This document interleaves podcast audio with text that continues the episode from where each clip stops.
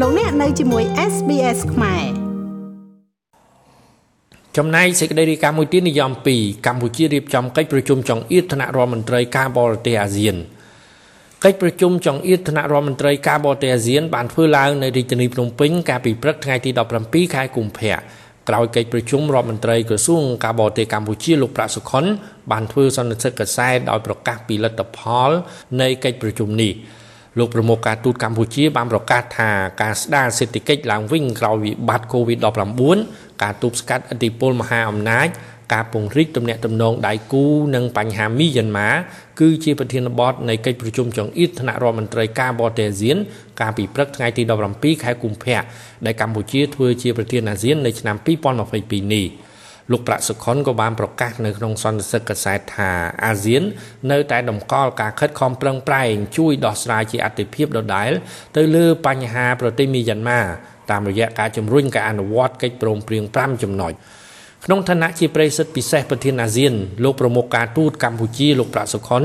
នឹងអញ្ជើញទៅជួបភាគីពាក់ព័ន្ធនៅប្រទេសមីយ៉ាន់ម៉ានាអំឡុងសប្តាហ៍ទី2ក្នុងខែមីនាខាងមុខនេះដោយទស្សនកិច្ចនោះ លោកក៏មានគម្រោងចូលរួមផ្ដល់ជំនួយមនុស្សធម៌ទៅដល់អ្នកជំងឺនៅតាមមន្ទីរពេទ្យមួយកន្លែងនិងជួបជាមួយបណ្ដាអង្គទូតនៃប្រទេសសមាជិកអាស៊ាន ប្រចាំនៅប្រទេសមីយ៉ាន់ម៉ាផងដែរលោកប្រាក់សុខុននេះថែមពីលើអ្វីដែលមានស្រាប់ជាជនភៀសខ្លួនទៅស្នាក់នៅទៅទៅជ្រកកោននៅប្រទេសបង្គ្លាដេសជាង1លានអ្នកនេះផងអញ្ចឹងវិបត្តិមនុស្សធម៌នឹងវាជាបញ្ហាសំខាន់មានក្រុម ប្រជាជនខ្លះក៏ត្រូវការចំនួនមនុស្សធម៌ខ្លាំងដែរអញ្ចឹងហើយបានយើងយកបញ្ហាមនុស្សធម៌ជូនចំពោះប្រជាជនមីយ៉ាន់ម៉ានេះជារឿងធំព្រោះបញ្ហាមនុស្សធម៌ក៏ជាចំណុចមួយ គឺជាចំណុចទី4នៃ5 point consensus គឺការព្រមព្រៀងគ្នា5ចំណុចរបស់របស់មេដឹកនាំអាស៊ានកន្លងទៅ សូមរំលឹកថាកម្ពុជាក្នុងនាមជាប្រធានអាស៊ាននៅឆ្នាំ2022នេះគឺបានប្រកាសចូលខ្លួនសម្របសម្រួលជួយដោះស្រាយចំនួននៅក្នុងប្រទេសមីយ៉ាន់ម៉ាកាលពីថ្ងៃទី7និងថ្ងៃទី8ខែមករាកន្លងមក លោកនាយរដ្ឋមន្ត្រីហ៊ុនសែនបានធ្វើដំណើរទៅកាន់ប្រទេសមីយ៉ាន់ម៉ា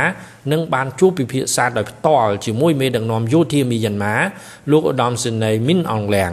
ក៏ប៉ុន្តែដោយសារតែរហូតមកដល់ពេលនេះរបបសឹកយោធាមីយ៉ាន់ម៉ាមិនបានអនុវត្តតាមកិច្ចព្រមព្រៀង5ចំណុចរបស់មេដឹកនាំអាស៊ានដែលបានឯកភាពគ្នាកាលពីខែមេសាឆ្នាំ2021រួមមានការឈប់ប្រាអំពើហិង្សាការសម្របសម្រួលចែកចំនួនមនុស្សធម៌និងការចរចាសម្របសម្រួលចំនួននៅក្នុងប្រទេសមីយ៉ាន់ម៉ាជាដើមនោះគឺកម្ពុជាក៏ដូចជាមេដឹកនាំអាស៊ានផ្សេងទៀតបានសម្រេចមិនអញ្ជើញរដ្ឋមន្ត្រីការបរទេសអាស៊ាន មកចូលរួមកិច្ចប្រជុំនៅពេលនេះឡើយទោះបីជាកិច្ចប្រជុំថ្នាក់រដ្ឋមន្ត្រីការបរទេសអាស៊ានលើកនេះបានធ្វើឡើងដោយផ្ទាល់ផង និងដោយប្រយោលតាមប្រព័ន្ធវីដេអូផងក៏ដោយខ្ញុំមេងផល្លា SBS ខ្មែររាយការណ៍ពីរាជធានីភ្នំពេញ ចង់ស្ដាប់រឿងក្រៅបែបនេះបន្ថែមទៀតទេ ស្ដាប់នៅលើ Apple Podcast Google Podcast Spotify ឬកម្មវិធីដទៃទៀតដែលលោកអ្នកមាន។